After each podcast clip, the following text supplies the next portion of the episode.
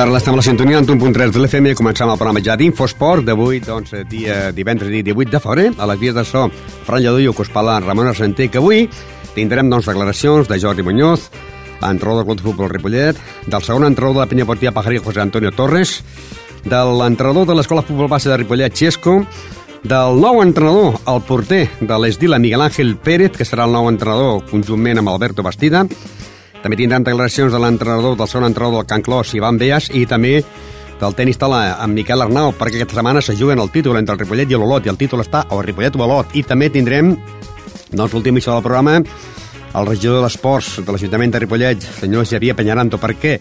Perquè avui divendres hi ha la primera edició dels Premis 10 de l'Esport de Ripollet, que es farà avui divendres a partir de les 8 del vespre en el Teatre Auditori eh, capacitat per unes 350 persones després de, de l'entrevista amb el Xavier Pellananto, que es va efectuar precisament doncs, eh, una, tenim gravada en el pavelló d'esports de Ripollet per ambientar, diguéssim, amb el que és el regidor d'esports, no? I començarem, com sempre, doncs, parlant del futbol, de la categoria preferent, on està el Club de Futbol Ripollet, que la setmana passada empatava Banyoles amb un empat a 0, però que continua sent líder de la competició amb 43 punts, seguit del Figueres amb 40, Mollet 39, Manresa 35, Avià 34, Farners 32, Canyelles 30, Granollers 29, Premi de Dalt 28, Turó de la Peira 26, Instronella 25, Horta 24, Tona 20, Banyoles 16, Palafrugell 15, Palau 14, Caçada de la Selva 12 i tanca el Mataró, que ja es va retirar en 0 punts, però ja s'ha retirat. I aquesta setmana s'enfrontarien el Granollers contra el Tudor la Peira, el Premià Dalt contra el Banyoles, l'Avià contra el Farners, el Tona contra el Gironella, l'Horta contra el Caçà, Figueres contra el Canyelles, Palafrugell, Manresa, descansaria el Mataró i el Ripollet contra el Mollet. Anem a recordar el que podria passar en aquest partit.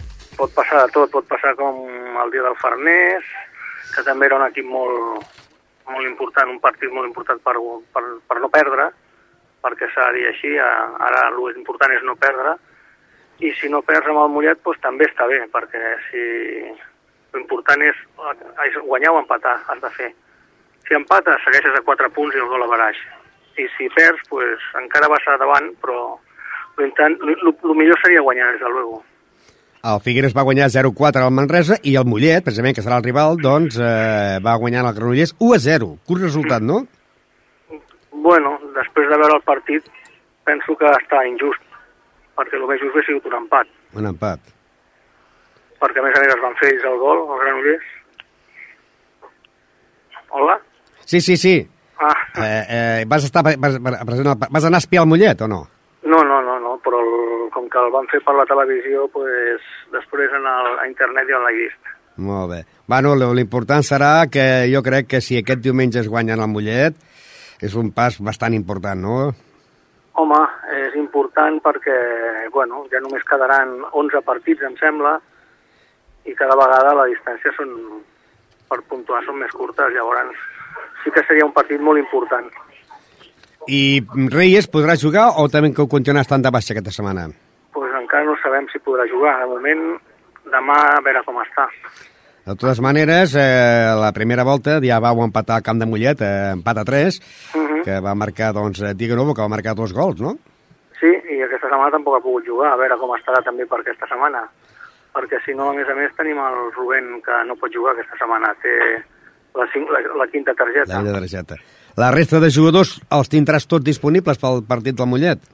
Pues, a part d'aquests tres, sí. Bueno, doncs sí, no t'entretinc... Som, som 18, no som més. I hi ha algun resultat que t'hagi sorprès d'aquesta jornada? Home, sorprès, sorprès, potser el Canyelles, no? Amb l'Horta, però ja veig que l'Horta està tirant la tovallola. I potser el 0-4 del Figueres a Camp de Manresa també és molt avoltant, no? Mm, no, jo trobo que no. No? Jo trobo que el Figueres és, és l'equip, com vaig dir l'altre, és l'equip a l'altre. Doncs bé, heu sentit les paraules de Jordi Muñoz, que diu que pot passar de tot. Doncs pot passar de tot, per què? Perquè la primera volta el Ripollet ja va empatar el camp de Mollet. Mollet 3, Ripollet eh, 3. I el Mollet aquesta última setmana doncs, va guanyar a casa per la mínima al Granollers. I dic el Mollet, doncs ve el Ripollet com a tercer en 39 punts. Per tant, el Ripollet és importantíssim guanyar aquest partit, perquè si el Figueres guanya aquesta setmana, que té un partit mm, fàcil, en principi, perquè juga a casa contra el Canyelles, doncs el Figueres podria sumaria 43 punts al Ripollet també, però si el Ripollet guanya, mantindrà aquests 3 punts al Figueres. Per tant, aquest diumenge a partir de les 12, Ripollet-Mollet, eh, segona volta de la categoria preferent del món del futbol.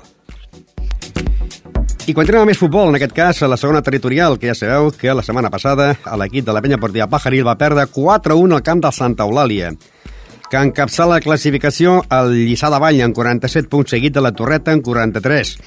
En 41 punts, Ferranyola i Sabadellenca, amb 38 el Bellavista, amb 36 el Santa Eulàlia, amb 34 el Montmeló, el Cardedeu amb 34 també, la Penya Partida Pajaril, lloc número 9 amb 29, Atlètic Vallès 27, Vilamajor 24, Sant Joan de Montcada i Palau Tordera 23, amb 21 Pitres i Sant Esteve, Martorelles en 19, el Mella 18 i tanca el Parets amb 8 punts.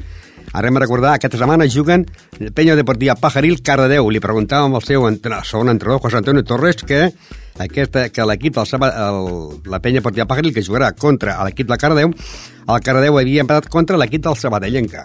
Uno de los resultados era posible. Yo lo que pasa es que me habían dicho de que se había vuelto a reforzar, pero bueno, el último partido lo perdió, este partido ha empatado. No sé, bueno, también está jugando con los de arriba. No sé cómo, a ver cuando venga, porque el Cardeu empezó muy fuerte, pero creo que ya te lo comenté, eh, hubo, cuando pasaron los dos o tres primeros meses, que deja como cada año empiezan bien, luego dejan de pagar a la gente y se les va. Me habían dicho que se habían reforzado con gente de, de San Celoni, que tampoco pagaba, y, si, y cogió a dos o tres de Cardedeu. ¿Cambian de, una, de un club al otro la misma, de la misma categoría la misma temporada? No, no, es que no, eh, a ver, es que no sé si ni siquiera si eran de la misma categoría. Ah. El, el San Celoni me parece que está más arriba, ¿eh? Sí, sí, sí. Ya, ya, no, pero ve, como a veces hay cambios de jugadores que no fuera también que, que esto fuera normal, vaya. No, no, no, no. A ver, dentro de la misma categoría, o no sé si dentro del mismo grupo, la misma categoría. A veces que la misma categoría, de, si ha jugado menos, menos de cinco partidos, sí que puede cambiar, si no, no. ¿Y vosotros no tenéis en mente ningún fichaje, no, para intentar mantener de los 12 primeros puestos? Pues en principio no. no el entrenador no, de los poquitos que han venido, no ha habido nadie que le haya gustado, por lo tanto no, no se ha cogido ninguno. Y esta semana, pues, el Cardedeu, que será vuestro rival, un Cardedeu que os ganó 6 a 1, uh -huh. y que el Cardedeu en estos momentos es octavo con 34 puntos por los 29 que tenía la Peña. Si perdéis ese partido, eh, eh, el eh, o sea, el Atlético Vallés, que juega en casa, mm, os podría pasar por delante, aunque tiene un rival difícil porque es el, el Bellavista. Bueno, a ver qué pasa, no sé. A ver, yo vuelvo a lo mismo que eh, lo importante no caer al puesto 13, porque los 12 primeros salvan. De todas maneras, no podemos estar pensando toda la temporada en no caer al 13, sino ir haciendo puntos para, para no sufrir. Pero bueno, a ver, es que esta, esta semana, las próximas cuatro semanas tenemos cuatro huesos, porque son cuatro de los de arriba. Tenemos el Cardedeu, el Gisá, el, la Saballerenca y no me acuerdo el otro. Me parece que este es el Bellavista Milán. O sea, que tenemos cuatro sí, seguidos. que- es que es quinto con 38 puntos. Tenemos cuatro seguidos, o sea que tenemos cuatro huesos ahora. A ver cómo salimos de esta. Después ya viene un poquito de cuesta abajo, pero... Sí, porque tenéis, tenéis eh, el Cardeo con 34, Momelo 34 y la Santolaria que tiene 36 y el Bellavista 38. Luego, luego ya están Sabadellenca 41, Sarañola B 41, La Torreta 43 y el Lliçà de Vall 47. Sí, por eso digo que como no saquemos cuatro- en estos partidos, en estos cuatro siguientes partidos que son difíciles, puntos, vamos a empezar a sufrir. Cuando se pierden en, ca- en el campo de Cardeo por 6 a 1 y lo- luego viene aquí casa, ¿qué sensación da el partido? A ver, el partido... ¿De no- vendetta? ¿De vendetta? No, a ver, las ganas de sacar tres puntos, porque Vendetta no, porque, a ver, si nos hubieran ganado, que decir, eh, pues porque hubiera sido un mal partido árbitro, que lo hubiera regalado, pero es que fue un mal partido nuestro, o sea, quiere decir que no, no tenemos la contra ellos porque ellos no fueron los culpables, fuimos nosotros totalmente, regalemos por casi todos los goles. Mm, En defensa fue un partido horroroso que hicimos nosotros, no tuvieron la culpa ellos. Vendetta es cuando hay un partido que, que por ejemplo, con el Montmeló, con el teníamos ganas de vendetta cuando vemos aquí 3 a 1, porque ellos nos ganan 2-0 con muchas ayudas arbitrales, con expulsiones que no venían a cuento, con, con muy malas mañas de ellos. Entonces, aquí sí le teníamos ganas nosotros al Montmeló. Pero lo que es al, al, al, es que la culpa fue nuestra nada más. No, te pot escoltar les paraules del segon entrenador José Antonio Torres dir que la penya partida Pajaril jugarà aquest dissabte a partir de les 6 de tarda a penya partida Pajaril Cardedeu. Com dèiem, el Cardedeu ocupa la plaça número 8 amb 34 punts i el lloc número 9 la penya partida Pajaril amb 29. Després de que la setmana passada el Santa Eulàlia guanyés a la penya partida Pajaril per 4-1 i el Cardedeu guany, eh, empatés a 0 contra la Sabadellenca. Continuem amb més futbol, en aquest cas anem a la segona territori tercera territorial que tenim doncs, dos representants a l'Escola Futbol Base de Ripollet i a l'Esdila. La setmana passada l'equip de l'Escola Futbol Base de Ripollet va eh, doncs, jugar contra l'equip del Raureda i van empatar a dos en gols de tots dos gols de Jordi Puy. Líder a la planada, 42 punts, seguit del Júnior en 41, i l'Escola Futbol Base de Ripollet està en el lloc número 36, amb 36, en el lloc número 3 amb 36 punts. Anem a recordar les paraules del seu entrenador que li preguntava que aquesta setmana tenien que jugar i jugaran al camp del Can Colapi i que a la primera volta els havien guanyat per 6 a 0. Sí, pero en su casa, en su casa sí, sí, mira los resultados. Han perdido también algunos partidos, pero han perdido por poco cuando han perdido los de arriba. Allí la planada los tres. El, no sé si el Junior también le costó y entonces, porque resulta que ellos tienen el primer, eh, tienen otro equipo, el A, Sí. que va bien clasificado y se ve que juega los domingos o el domingo. Y entonces ellos han cambiado el horario, antes lo tenían por los domingos por la mañana, lo han puesto por la tarde, cuando juegan en casa. Y se ve que bajan tres jugadores del A y el portero, entonces son más fuertes. Pero bueno, si queremos este año luchar por intentar hacer algo, da igual, como si bajan todo el A entero. Nosotros tenemos que ir e intentar ganar.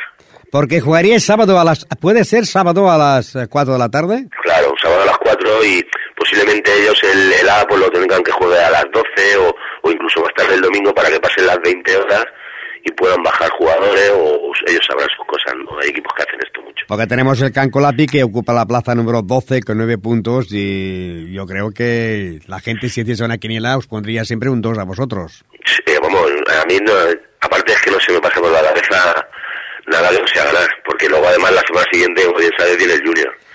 Vosotros aquí con el Junior. Claro, luego nos viene el Junior y entonces si ganamos nosotros, luego te esperamos al Junior aquí con muchísimas ganas para intentar recortar la distancia. Sí, para esta semana el Junior lo tiene fácil porque juega Junior, Unión Salud, la bueno, Fundación la un Marina, partido- Planada juega contra Badía. Nou Vallés, la Farga, Badía Vallés, la Planada. Ahí puede dar la, el Ahí resultado. puede, a ver si nos hace un favor el Badía. Iría muy bien. Iría muy bien, iría muy bien. De todas maneras, el, el Junior tiene que ir al campo del Roureda y el Roureda es, Roureda es un campo difícil. La Planada empató allí también 2-2. Y un partido que puede, también pueden pasar muchas cosas es Mirasol Raureda. Eh, también, también, también. También pueden pasar, sí, porque son dos equipos que están muy parejos, muy igualados. Y yo confío en eso, que el Junior cuando vaya al campo de Roureda, pues se lo pongan tan difícil como no lo pusieron ayer a nosotros. Porque es que parece que se- mm, sea como que te vuelves en el objetivo, ¿no? Cuando estás con, contra más arriba estás, pues los equipos se motivan más, quieren ganarle a los que están arriba. Es lógico. ¿Y el árbitro será de Tarrasa o de Sabadell con el Cancolapi? Pues supongo que será del colegio de Tarrasa. De Tarrasa. Sí. Hombre, y jugaréis con un equipo de Tarrasa y el árbitro de Tarrasa, ¿no? Sí, seguro. Pero bueno, yo confío, ya le digo, confío que, que nos piten bien y no haya ningún problema y podamos ganar.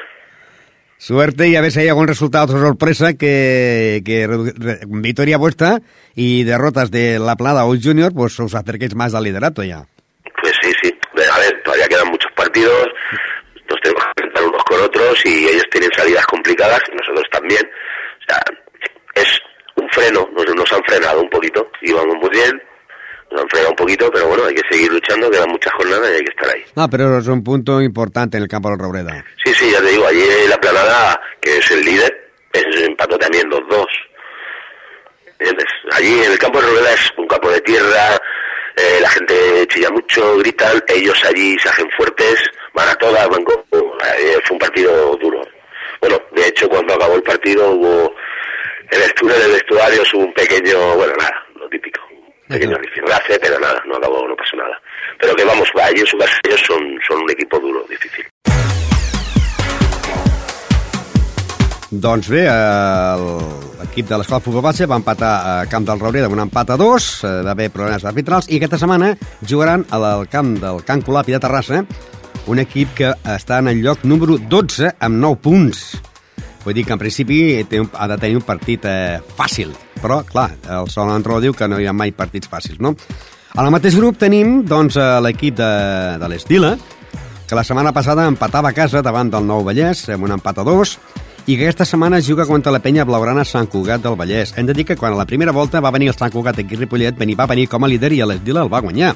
Van quedar 2 a 1 favorable a l'Esdila. I ara aquesta setmana jugarien contra l'equip de l'escola futbol eh, contra la penya blaugrana de Sant Cugat, que ocupa la plaça número 7 amb 28 punts. Però hi ha hagut problemes. Va desaparèixer l'entrenador que sí, que sí, sí estic, que si no estic, el Rubén Marín. Eh, tenia que ser Alberto Bastida, es va posar malalt i ara últimament doncs, l'entrenador és el que fa de porter Miguel Ángel Pérez, que deia que quan es recuperi Alberto Bastida, doncs entre ells dos faran el tàndem, faran d'entrenadors. Anem amb les paraules de Miguel Ángel Pérez. Sí, sí, cuando se recupera Alberto, seguiremos los dos. O sea, yo seguiré, si me toca jugar, jugaré, si me toca sentarme en el banquillo, me sentaré y, y él dirigirá y yo también. Pero me refiero de que si Alberto Bastida se pone bueno, entonces tú jugarías como entrenador, pero ¿jugarías de portero o no? Sí, sí, sí, yo jugaría. Irías cambiando, ¿no? Sí, sí, iríamos cambiando si vemos que, que hay algo y, y sí, estaría haciendo las dos cosas a la vez. Y la opinión de los jugadores, ¿qué han dicho los jugadores a ver ese cambio de pasar de portero a entrenador? No han dicho nada, hay eh, jugadores que me apoyan la decisión que han tomado y yo hemos deci- bueno, estuvimos hablando con el presidente, el presidente ha decidido hacer eso, pues hoy tiramos para adelante y a ver. Por ahora tengo los jugadores a mi favor, algunos jugadores y espero tenerlos todos a mi favor. Tengo bastantes. Pues mira, que ya que estás aquí en directo, aprovecharemos para hacer la quiniela de la próxima semana de tu grupo. A ver si acierto más. A ver si acierta. Bueno, a ver, eh, Junior, Unión Salud. Mm, Yo creo que ganaría el Junior, Junior. La Fundación Marina. la Marina. Nou Vallès, La Farga. No el Vallés, Un 1. Badía del Vallès, La Planada. Badía. El Badía tiene un juego muy bueno. Mirasol, Robreda. Hombre, el- Mirasol, Cancolapi, Escuela de Fútbol Base de Ripollet, la antigua de fut. el ADFUT. Juega muy bien el ADFUT. Y, y por lo menos que uno que esté arriba. Y luego vosotros jugaríais al que ya ganasteis cuando vino aquí Ripollet como líder. La Peña Blaugrana San Cugat de Vallès, que lo ganasteis aquí con dos goles a uno. Espero ganarles. Esperas ganar, pero así ponemos un 2. Sí, sí. mm, espero ganarles, sí, sí. Yo creo que con que la actitud de los jugadores han cambiado mucho y creo que darán más eh, ahora. Ahora, claro que la Peña Blaugrana también saldrá por todas, porque dij- dijeron, cuando eh, eh, vosotros le ganasteis y ellos venían aquí como líderes. Y desde entonces que se han puesto eh, por abajo. Ahora van en el puesto número 7 con 28 puntos. Desde aquel día que no ha hecho nada más. Bueno, Ya, Pues eh, ten- nos tendrán ganas, tendrán ganas, ¿no? Pero vosotros pero que nosotros más. también, ten- nosotros también tenemos ganas de sumar puntos y de salir de- del puesto que estamos. ¿Te queda un calendario hasta final de temporada, un calendario difícil o fácil? A ver, algunos partidos como el de la semana que viene todo aquí en casa a las 4 con el Badía es complicado. A mí todos los partidos van a ser complicados.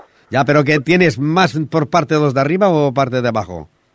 Tengo algunos de parte de arriba, ¿eh? Con lo que juguemos esta semana de la, la tabla, ¿eh? De la mitad, más o menos.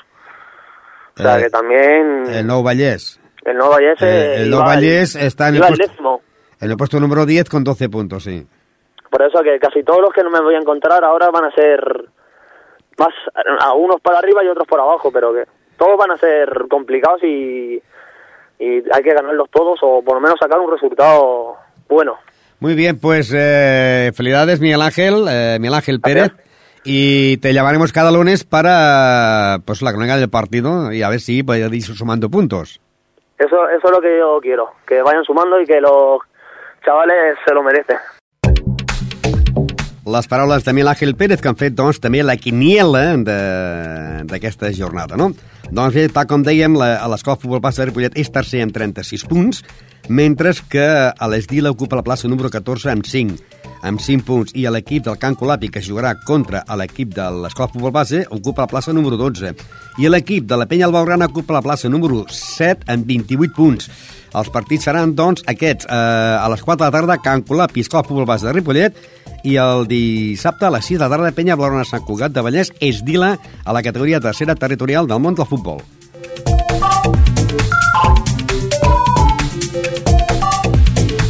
Futbol sala. Futbol sala. I anem al món del futbol sala, que aquest cap de setmana doncs, la Ripollet té un partit importantíssim després de que la setmana passada perdés eh, Sabadell per 6 a 3 la cosa es complica i ara està en zona de descens directe, perquè baixen doncs, 8 equips i ara serien 7 per la retirada del Martorell.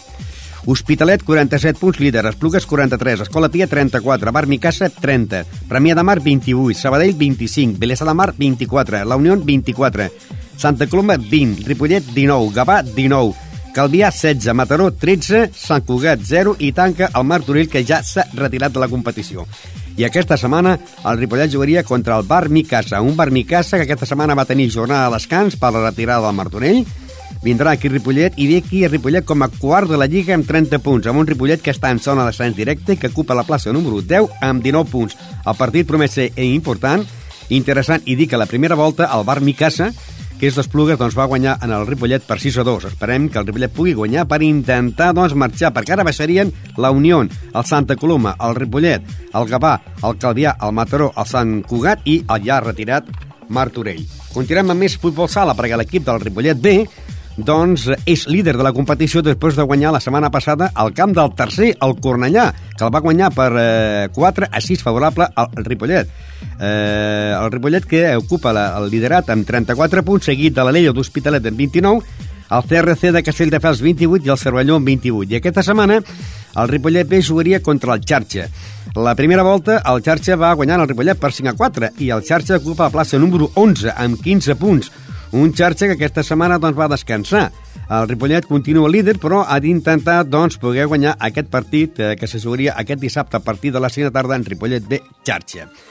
Seguim amb més eh, futbol sala, per aquest cas, doncs, anem a recordar que la setmana passada l'equip del Can Clos, l'equip de, de la divisió de plata, va guanyar a, a l'últim minut de joc en, el, les Corts per 3 a 2, en gols de Carmen, de Manàgeles i d'Iris.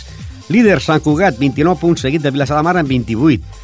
Amb 24 punts, les Corts, Escola Pia i el Can Clos, que ocupa la plaça número 5, amb 24 punts. Caldes, 23. Cervera, 19. Palau, 17. I les últimes places són pel Castelldefels i el Montserrat, amb 6 i 1 punt. I aquesta setmana, l'equip del de, Can Clos, el primer equip tindrà jornada de descans per la retirada del Mataró, mentre que el Can Clos B jugarà al camp de les Corts. Un Can Clos B que la setmana passada va tenir jornada de descans per la retirada de l'equip del Sant Just i que ocupa la plaça número 12 del campionat. És eh, classificada en l'últim lloc en 6 punts, no baixa de categoria perquè ja es van retirar dos equips, el Sant Just i el Vallseca. I aquesta setmana jugarien a la pista de les Corts, un partit doncs, que seria el diumenge a partir de dos quarts de dues, les Corts Can Clos. Anem a recordar les paraules del seu segon entrenador, Ivan Beas, que li dèiem que la pròxima setmana doncs, un jugaria contra l'equip de les Corts i el Can Clos A tindria jornada de descans. Exactamente, la semana que viene tenemos fiesta en el primer equipo por el Mataró que se retiró y el segundo equipo vamos a jugar a las Corts contra el segundo equipo a las dos y media el sábado. El, un equipo de las Cors que da mucha guerra, tanto el equipo A como el B, ¿no? Sí, sí, bueno, pero es que es hasta el masculino. Las Cors tiene una base impresionante, creo que es de las mejores bases que hay aquí en Cataluña, y lo está demostrando que prácticamente la mitad de los equipos masculinos los tiene en División de Honor, jugando, codeándose con el Barça y con el Marfil, y en el masculino también, ya lo habéis visto, el partido que hemos jugado hoy ha sido un partido muy disputado, muy bonito, que, que hacen... Cuando la gente dice que el fútbol sala femenino tiene poca intensidad, hoy se ha demostrado que no. La lástima es que no sea así cada semana pero es que si fuera así cada semana, yo creo que el pabellón habría mucha más gente viendo el fútbol sala.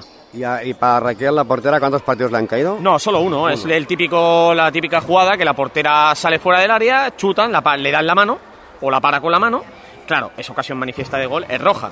Lo que acarrea siempre la roja directa es un partido de suspensión.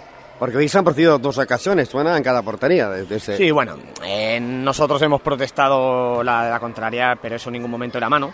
Bueno, era falta, era mano, era tarjeta amarilla. ¿Por qué? Porque en teoría tiene que ser ocasión manifiesta de gol. Ese balón en teoría era un balón disputado, que lo mismo podía llegar una de las nuestras que una de las jugadoras, que la portera podía disputar esa jugada eh, igualmente.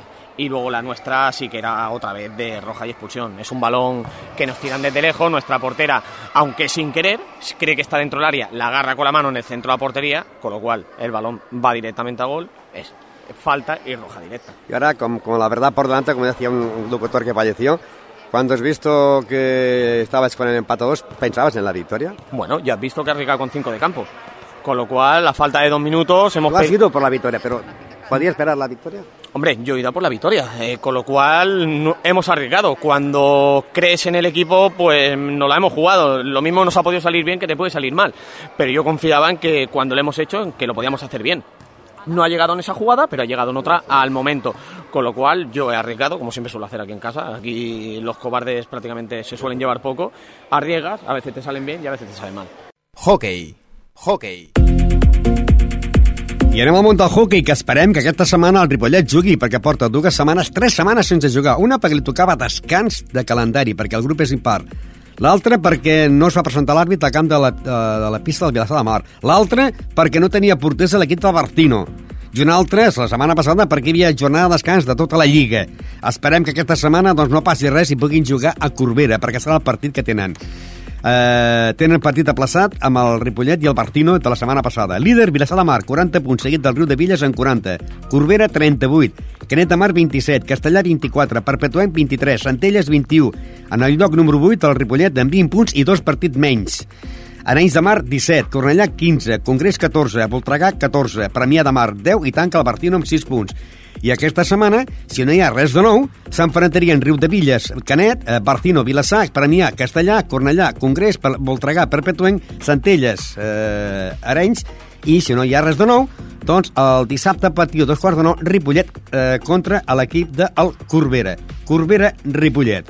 Un Corbera que a l'última jornada doncs, eh, va guanyar eh, a la, la pista del Vilassar un Corbera, que- perdó, a la pista de l'Arenys de Mar, 1 a 5.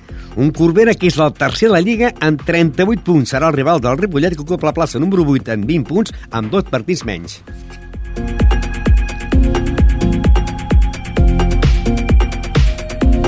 Handbol.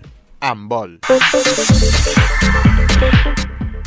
I anem a més esports, en aquest cas handball, que la setmana passada el Club Handball Ripollet va tenir jornada de descans, el mateix que li va passar a l'equip del Sant Pedor. Cada setmana descansen dos equips.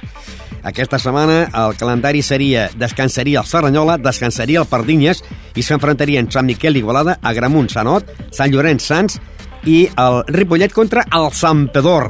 Líder de la competició, el Pardinyes, amb 18 punts, empatats amb el Sants i el Sant Miquel, 2-3 amb 18 punts. Sant Pedor, 17. Serranyola, 14. Ar- Agramunt, 13. Sant Quirze, 12. O Sant Ot, 12. Oar Gràcia, 9. Ripollet ocupa la plaça número 10 amb 6 punts, tanca l'Igualada amb 5 i el, en el lloc número 12 el Sant Llorenç amb 0 punts. Aquest dissabte, doncs, a partir de dos quarts de nou del vespre, en Ripollet, Sant Pedor. Un Sant Pedor que la setmana vindrà descansat, igual que el Ripollet, perquè van descansar tots dos. Un Sant Pedor que és quart a la Lliga amb 17 punts per un Ripollet que ocupa la plaça número 10 amb 6 punts.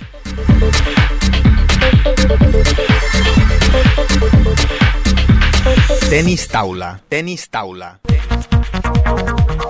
Continuem amb més esport, aquest cas, al món del tenis taula. Passem a la divisió d'honor femenina amb un interessant partit entre el Ripollet i el Calilla. Tant l'equip de primera nacional femenina com el divisió d'honor femenina juguen tots dos contra el Calilla. A les 5 de la tarda, tots dos en el poliesportiu. Un en el gimnàs del poliesportiu i l'altre en les pistes del poliesportiu.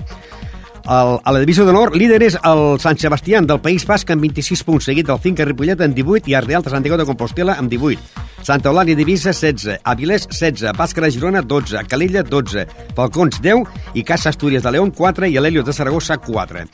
Aquesta setmana, el Ripollet, Finca Ripollet, rebrà la visita del Calella, que és a la Lliga. I pel que fa a la Lliga Nacional, el Finca Ripollet de la Primera Nacional, després de que la setmana passada guanyés 1 a 5 al camp de l'Ateneu, és segon de la Lliga. Primer, Caçada de la Selva, amb, tot- amb 22 punts, seguit del Finca Ripollet amb 28. Balaguer, 16, Bàscara, 12, Esculta Saragossa, 10, Calella, 10, Cai, 4 i Ateneu, 0. I aquesta setmana, doncs, jugaria contra el Calella, que és sisè a la Lliga amb 10 punts davant d'un Finca Ripollet que és eh, segon amb 18 punts. I aquest cap de setmana també hi ha Lliga Nacional de la primera divisió masculina, doble confrontament, ja que el Ripollet Verdolai juga el dissabte a partir de les 5 de la tarda contra el Club de Palma de Mallorca i el diumenge a les 11 Ripollet Verdolai. Empatats a punts estan el Ripollet Verdolai amb 18 punts i l'Olot amb 18. Igualada 14, Palma de Mallorca 12, amb 8 punts Vilanova la Geltrú, Sant Cugat i Sallent i tanquen el lloc número 6 el Sa Poble amb 6 punts.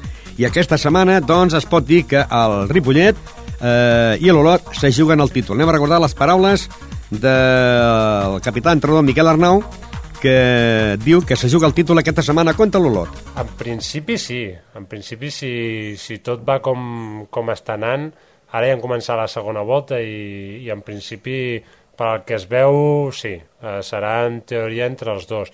L'únic que l'important en aquesta lliga ara és quedar als quatre primers, perquè després hi ha una segona fase. Llavors, si tu quedes dels quatre primers, la segona fase ja no tens problema de baixar perquè ja, ja vas per, per anar a la fase d'ascens, per dir alguna cosa, per jugar a la fase d'ascens. En canvi, si quedes dels 4 de darrere, del 4 al 8, aquests es juguen la fase de descens. Per tant, l'important ara mateix és quedar dels 4 primers i llavors la segona fase ja es veurà. I l'important també és que l'Olot ha de venir aquí a Ripollet. Sí, l'Olot de, ha de venir, és un dels partits que queden aquí a casa i, i és, em sembla, l'últim partit de tots. O sigui que, bueno, aquí veurem a veure com acaba la, com acaba la Lliga. Jo suposo que ens ho jugarem tot. Perquè mm, si quedes primera Lliga, eh, tens més avantatge o no?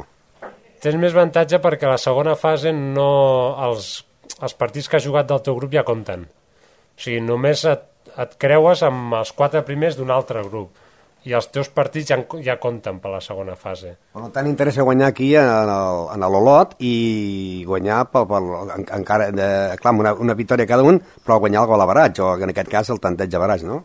Sí, està clar que, que l'objectiu nostre sempre és quedar primers, intentar no perdre cap partit i després a la segona fase també fer una bona fase. També hem de ser realistes i, i a veure, mm, l'objectiu que tenim en principi és mantenir la categoria. Ja sabem que a nivell econòmic el club doncs, tampoc està per, per intentar pujar l'equip a la divisió honor, com l'any passat que vam haver de renunciar a la, a la fase d'ascens que havíem quedat primers, i aquest any doncs, en principi les coses segueixen igual nosaltres, mm, sempre que juguem, anem a guanyar, volem quedar primers de la Lliga, volem estar classificats per la fase d'ascens, si pot ser, i després, doncs, si hem de renunciar, renunciarem. Uh, sempre i quan doncs, veiem que, que no, que, no, que no tenim pressupost per l'any que ve a jugar. Eh, el que esteu dient de, de que és un equip que, que feu per aguantar la categoria, però sempre us col·loqueu a dalt de tot. Sí, perquè bueno, eh, tenim un equip bo, un equip potent, som tres jugadors, quatre jugadors que, que, que tenim nivell per, per, per mantenir, jo crec, la categoria tranquil·lament. Llavors, eh, i per estar dalt, no? L'únic que, clar, eh, si, si l'objectiu fos pujar a Divisió Honor, llavors sí que l'any següent s'hauria de reforçar l'equip, evidentment. Jo crec que pujar es podria pujar, però sí que també crec que l'any que ve s'hauria de reforçar si es volgués mantenir a Divisió Honor. I reforçar vol dir que eh, té un preu. I, i a part també la Lliga de Divisió Honor doncs hi ha viatges i és més, eh, és més costosa, llavors, doncs, evidentment, eh, ara mateix no ens ho plantegem. Bàsquet. Bàsquet. I anem al món del bàsquet. Aquest cap de setmana el Club Bàsquet Ripollet torna a jugar fora després de que la setmana passada, el diumenge passat, doncs jugués al camp de la parròquia de Vilanova i la Geltrú i guanyés per 56 a 67. Era la tercera victòria del campionat, però tot i amb això encara està últim de la Lliga, en, en el lloc número 19, eh, en 19, o sigui, en lloc número 16 en 19 partits jugats i només eh, 3 victòries i ocupant doncs, l'última plaça en zona d'ascens directe, el mateix que l'equip del, de l'equip de la Vilanova i la Geltrú.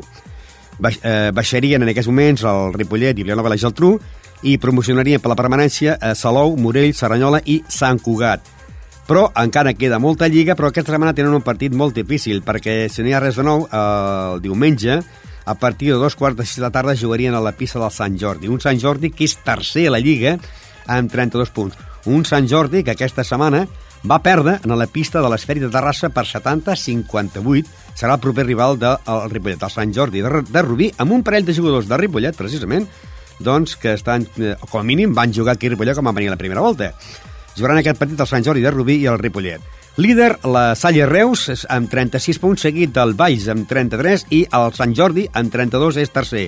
Sant Boi 31, amb 30 punts Esparreguera i Gavà, amb 29 eh, Can Torreta i Sabadell i també el Tarragona i l'Esperit de Raça amb 27 Sant Cugat, Serranyola, amb 25 el Morell, amb 24 el Salou i amb 23 el Vilanova i la Geltrú i amb 22 el Ripollet amb zona de descens directe. Aquesta setmana, a partir de dos quarts de sis del diumenge, Sant Jordi, que és tercer la Lliga, contra el Club Bàsquet Ripollet, que és l'últim. Pel que fa a la tercera categoria territorial, després de que la setmana passada el Vell Gasó guanyés en el Col·legi Cultural per 63 a 45, manté la vuitena plaça amb 26 punts.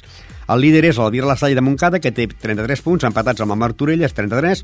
En 31 punts tenim tres equips, el Col·legi Cultural, el Nou Badia i l'Esparreguera, amb 27 punts el Regina Carmeli, el Sant Lleí en 26, els mateixos que la Bellgasó, que ocupa el plaça número 8 en 26, el Pallejat també en té 26, el Camp Parellà de 24, el Semanat 24, el Montigalà Badrona 22, el Club Òdena 21 i tanquen en zona d'ascens el Santa Perpètua amb 20 punts i el Cervelló amb 19. I aquesta setmana eh, seria eh, el Ripollet, o sigui, la Vell Gasó de Ripollet jugaria contra l'Esparreguera el diumenge a un quart de vuit de la tarda. Una Esparreguera que aquesta setmana va guanyant a la pista del Semanat per 40-53 i que en aquest moment l'Esparreguera és cinquè a la Lliga en 31 punts, doncs rebrà la visita de la Vell Gasó. El diumenge a partir de un quart de vuit, Esparreguera, la Vell Gasó de la tercera categoria territorial. Seguim a més bàsquet perquè la setmana passada també es produïa la tercera victòria del bàsquet femení, després de guanyar en el Tec La Sala per 62 a 57, i ara el bàsquet femení ocupa la plaça número 13 en 20 punts de 14 equips. L'últim és l'Esparreguera. Líder, el Collblanc La Torrassa, que té 36 punts, seguit del Cornellà amb 35, Llafià 33, amb 30 el Sama, amb 28 tenim dos equips, el Sant Nicolau i el, el Club Bàsquet Pretenc, Sant Just 27, Roquetes 26, Matadepera 23, Castellbisbal 22, Serranyola 21, Tecla Sala 20, Bàsquet femení Ripollet 20 i tanca l'Esparreguera en el lloc número 14 en 19 punts. I aquesta setmana el partit seria el diumenge a partir de les 4 de la tarda Sant Just Bàsquet femení Ripollet. Un Sant Just que va en aquests moments en el lloc número 7 de la competició en 28 punts, davant d'un bàsquet femení Ripollet que ocupa la plaça número 13 en 20 punts.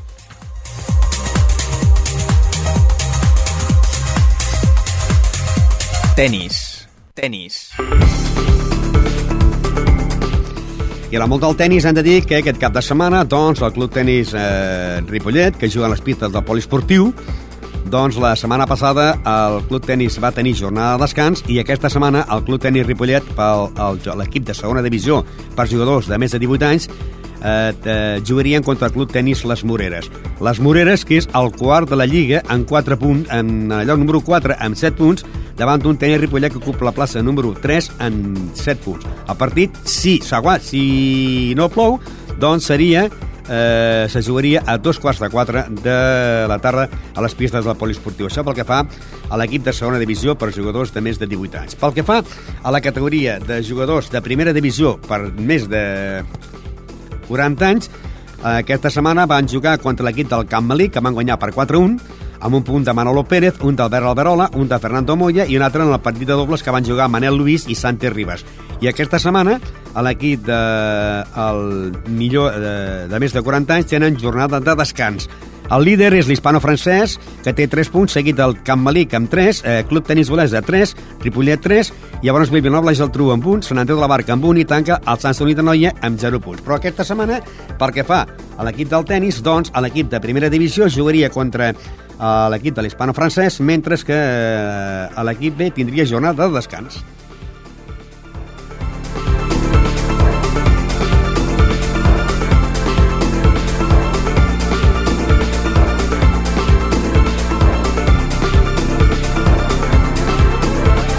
I ja sabeu que el divendres, doncs, eh, sempre tenim convidats, però en aquest cas, doncs, eh, el convidat no és eh, una entitat esportiva, no és cap esportista, sinó que és, eh, podríem dir, eh, és el regidor d'Esports de l'Ajuntament de Ribella. Per què? Perquè avui divendres, en el Teatre Auditori, es fa la primera edició dels Premis 10 de l'Esport de Ripollet. Avui divendres, dia 18 de febrer, la primera entrega amb uns finalistes, que demà us parlarem els finalistes, però anem a recordar doncs, que vam voler fer aquesta entrevista amb el regidor d'Esports, senyor Xavier Peñarando, i el lloc, el lloc més ideal de fer-la eh, amb un regidor d'esports és en el pavelló d'esports. Doncs anem amb el regidor eh, Xavi Peñarando que parlem d'aquesta primera entrega de la, dels trofeig 10 de l'Infosport. Estem precisament aquí en el pavelló d'esports de Ripollet i que més eh, una, una, podríem dir un escenari ideal per parlar amb el regidor d'esports. Bona tarda. Bona tarda. El proper divendres, eh, o aquest divendres es pot dir, es fa l'entrega, la primera entrega de l'edició Premis 10 de l'Esport. Què representa per Ripollet la primera entrega? Home, la veritat és que mm, avui mateix no, parlàvem amb els tècnics de, de la casa i ells estan il·lusionats, eh, emocionats i per altra banda jo crec que esperem que sigui una gala que a tothom eh, agradi molt i jo crec que en definitiva és un reconeixement. No? Avui eh, el que s'ha promogut o el que estem fent és el reconeixement a unes quantes persones, però aquestes són de forma singular i particular aquest reconeixement, però és el reconeixement també a tot el món de l'esport local de Ripollet i bueno, eh, gràcies a Déu doncs, tenim molt, molta molta gent, moltes persones que han treballat i que treballen fort per, per l'esport i jo crec que és molt important fer aquest tipus de reconeixement. No? És un acte que jo crec que agradarà a tothom i que bueno, estem molt contents els del Patronat d'Esports de, de poder organitzar-lo. El que passa que per ser el Premi Any eh, ho ha aparcat molt, no? perquè hi ha premi a la millor esportista, a la que han quedat finalistes, tres, tres atletes de Ripollet. En aquest cas, doncs, podem dir que hi ha la Lucila Pasqua, eh, de bàsquet, la Sara Ramírez de tenis taula i la Júlia Figueroa del patinatge artístic. Bueno, eh, és que realment Ripollet és un poble molt, molt ric a nivell de, de, del món esportiu, no? I llavors eh, hi ha moltes eh, noies, moltes dones que han, han triomfat i que tenen un reconeixement a nivell català, a nivell fins i tot estatal, i moltes d'aquestes, doncs, eh, com no, fins i tot a nivell internacional. Per tant, jo crec que tots hem d'estar orgullosos, orgullosos per aquestes tres finalistes, però és que al darrere també hi ha algunes altres no? Que, que no han arribat fins a aquest últim, a aquests últims tres jocs, però aquestes tenen molts mèrits, però és que hi ha unes altres que també, doncs, déu nhi que han assolit eh, durant, durant aquests anys que han dedicat a l'esport. Clar, aquí estan repassant els tres finalistes, no? que d'aquí va sortir una, una guanyadora, un guanyador, i llavors eh, no hi haurà segon i tercer, sinó que serà finalistes. Hi haurà tres finalistes i el que donarem a conèixer és el que el jurat ha, ha triat com a, com a guanyador. Eh, recordem també que s'han fet amb un barems de puntuació, ja, ja s'ha creat un jurat, però pel mateix patronat d'esports eh, o una comissió específica que es va crear per aquest tema, es va fer uns barems per puntuar i bueno, eh, veurem ara, després d'aquests barems i després de reunir-se al jurat, doncs quins són els finalistes o els guanyadors finals. Tenim també millor esportista de Ripollet, eh, masculí, que és Josep Maria Selva, jugador que juga a hockey, eh, Rubén López, de la gimnàstica, i llavors Roger Vilanova del bàsquet. No, sí, tres eh, esportistes també en actiu eh, que tenen bueno, doncs una trajectòria molt bona i que durant aquests eh, últims anys doncs, estan assolint èxits molt, molt importants i portant el nom de, de Ripollet doncs, per, per tot arreu. Un altre premi serà, per exemple, com a millor equip, tenim doncs, eh, l'equip de la Penya Botilla Pajaril, perquè va pujar de, de tercera categoria a segona territorial. Tenim l'equip del Ripollet Juvenil, que va quedar campió, i també l'equip d'escaig, que podríem dir que ha sigut la revelació, no? Bueno, la veritat és que l'Escaix és un, és un club que, que s'ha fundat eh, fa poc, però que han començat amb molta força, i els altres dos clubs de, de futbol, bueno, Ripollet també té molta tradició des de fa molts anys en el futbol, i bueno, a veure, a veure què determina el jurat. Ah, Llavors ja, la millor equitat esportiva, eh, hi havia moltes, en, en cada prova hi havia molts candidats, no? I van arribar, que es podia dir quasi a la final, quatre equips que es van fer una votació. Entre tenis taula, patinat artístic, la, la Ripollet Unió Atlètica, l'equip d'atletisme, i va quedar com a quart per la final al, al Ripollet. I aquests tres són els tres que es presenten com a millor entitat esportiva. Bueno, la veritat és que, eh, clar, quan parlem de millor entitat esportiva, no? tenis taula Ripollet, eh, més de 50 anys d'història, eh, Club d'Atletisme Ripollet, més de 25 anys d'història, i el patinatge, no? que hem de dir que han, han sortit aquí doncs, nombrosos èxits, nombrosos eh, guanyadors, i, i que no tan sols això, no? sinó la de nens que han educat, la de nens que han passat per, per aquestes tres entitats, per tant jo crec que hem d'estar orgullosos, i orgullosos sobretot de que sigui un poble on tenim, aquí ho podem veure, no? moltes entitats. No? no estem limitats a un o dos esports, sinó que hi ha una varietat esportiva doncs, molt important, jo diria que, que envejable pel que podria ser la resta de la comarca. Ah, Llavors té un altre premi de millor trajectòria esportiva, que aquí també hi havia molts candidats, però la primera votació ja el jurat es va decidir que seria Joan Creus. Bueno, eh, quan parlem d'esport ripolletenc, parlem del cognom Creus i parlem a més a més del, del Joan Creus, doncs llavors ja és per posar-nos d'en peus i això ja són, crec, paraules majors. No? El municipi de Ripollet va decidir en el seu dia que aquest pavelló havia de portar precisament aquest nom, el nom de Joan Creus, i jo crec que aquest reconeixement de la millor trajectòria és inqüestionable. Recordem que, que és una persona que ha estat premiada i reconeguda pel Comitè Olímpic Internacional internacional. Recordem que ha estat una, una persona que ha tingut una trajectòria esportiva molt llarga, perquè es va retirar ja amb una edat, diguéssim, doncs, bastant gran pel que és la, la pràctica de l'esport a nivell professional, i jo diria que aquí no hi ha cap dubte. El Joan Creus és per com ha liderat, com, per com ha, ha fet l'esport i per com ha marcat no? una, un, diguéssim, un, una marca diferent eh? i molt especial per, per tots els ripolletens, dels quals tots ens sentim orgullosos de poder anar per qualsevol lloc i dir que el Joan Creus és del nostre poble, que el Joan Creus és de Ripollet. Mm, torno a dir, eh? és la, eh, cognom Creus i bàsquet, cognom Creus i, i esport és, és associat, és un reconeixement d'una família amb molts mèrits esportius i el Joan Creus jo diria que ha estat fins i tot la punta de l'iceberg eh, d'aquest gran iceberg que és tota la família. Llavors, l'últim premi serà persona dedicat al món de l'esport, que tenia molts candidats i tothom va votar a favor de Pedro Sarrión. Home, recordem que Pedro Sarrión ha estat molt vinculat al futbol, però ha creat, no? va estar a la Margal, va estar al Ripollet, ha participat també a l'escola de futbol de, de, de la de FUB, i és una persona que des de fa molts anys ha participat molt activament eh, des d'entrenador, des de junta, i a més a més jo crec que també és una persona que ha destacat o que ja fa molts anys no? era dels primers que van dir que a part de l'esport, l'esport havia de ser cultura, que l'esport havia de ser formació i això jo crec que tots ho tenim molt clar, però ell ha participat d'una forma molt activa, no? en demanar que aquells que acompanyaven, que els nens se'ls havia de formar també com a persones i que eren un paper fonamental també els que anaven al, acompanyant aquests nens, per tant jo crec que també el Pedro Sarrión s'ho té molt merescut i bueno, jo me n'alegro per tots aquests finalistes, me n'alegro molts pels, pels que són els guanyadors i sobretot me n'alegro molt de poder ser regidor d'esports d'una localitat com Ripollet que podem estar orgullosos de el que han donat d'entitats, el que ha donat d'esportistes i en definitiva del que podem presumir tots els ripolletens de ser d'aquest poble. I suposo que aquest serà el primer any, serà com una espècie de prova i per intentar doncs, eh, la propera temporada millorar-ho. Eh, nosaltres aquest any ens emprenem com a primer any, però és el primer any d'una llarga trajectòria, no és un punt de, no és un punt d'arribada, aquest és un punt de sortida i aquest punt de sortida volem que, que quedi emmarcat com un dels actes, doncs per què no? Eh? Serà un, un acte segur, auster, perquè estem en un, un període complicat, però estem seguríssims que serà un, un acte que, que, que agradarà molt i que, torno a dir, aquest és el primer any, és el punt de sortida, però segur que quedarà un acte ja marcat per tota la resta de temporades. I amb la gent que es, es fan els premis de la temporada, diguéssim, 2009-2010. Correcte, eh, correcte, això és 2009-2010.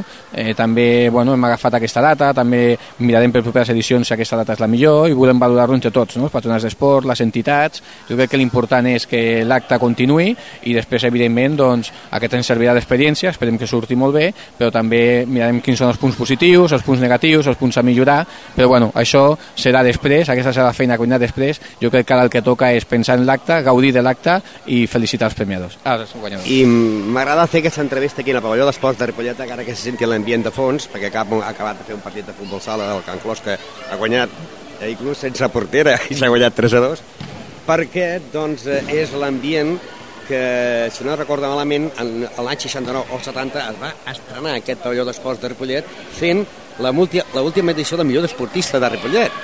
Me'n recorda que es va fer un partit de bàsquet entre el bàsquet de Ripollet i el Picadero d'Am, Bueno, eh, fa tants anys ja que jo ni tan sols havia nascut, no? Perquè si això va ser 69-70, jo vaig néixer al 72, així que, bueno, aquest, eh, aquest pavelló no? va néixer o, es va haver de construir perquè la pressió en positiu de les entitats esportives locals, no? la necessitat d'entitats que estaven triomfant i que necessitaven una instal·lació com aquesta, i bueno, és una instal·lació que l'hem remodelada, que ara fins i tot eh, estem fent també eh, millores i que portem molts anys en millores, però que jo crec que també és un motiu també de satisfacció no? de tenir un pavelló que bueno, ha albergat aquí molts èxits i que ha albergat molts ripolletens que, que han sortit d'aquí. No? El Joan Creus parlàvem abans i alguna vegada en alguna entrevista del Joan Creus doncs ell parlava no? com venia de Sant Gabriel, no? de l'escola, com estava en aquest pavelló, com assajava els llançaments, o el món del hockey, o el món del handball, que ara potser no, no tenim tan, tan èxits a, a alt nivell, però recordem que també han estat molt alt i bueno, és una entitat que també està treballant per continuar eh, endavant amb el món del handball.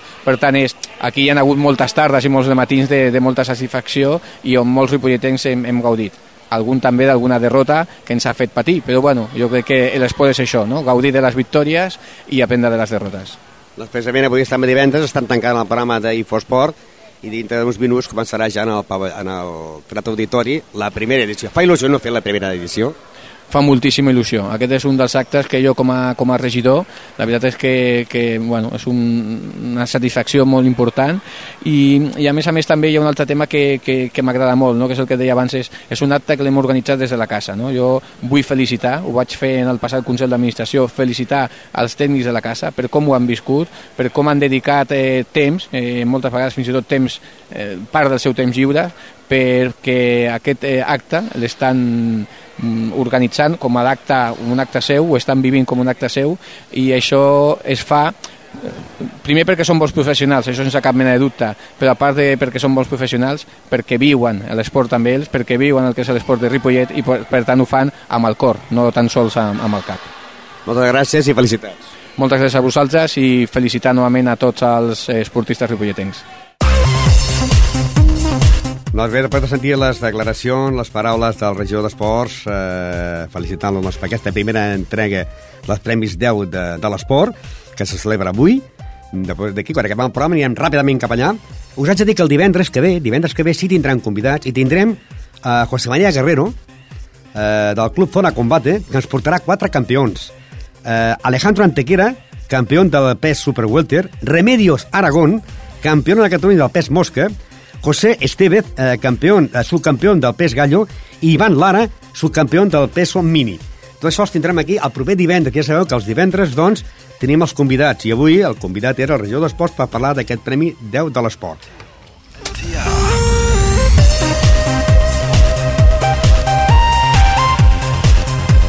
Doncs bé, anirem aviat cap al, al, al Teatre Auditori, esperem i el dilluns podrem donar ja qui és els guanyadors d'aquests finalistes. Heu sentit el repàs de tots els finalistes, ja hi ha la votació i de tots sortirà un premiat i els altres dos seran finalistes. Adéu-siau, bona tarda, fins dilluns.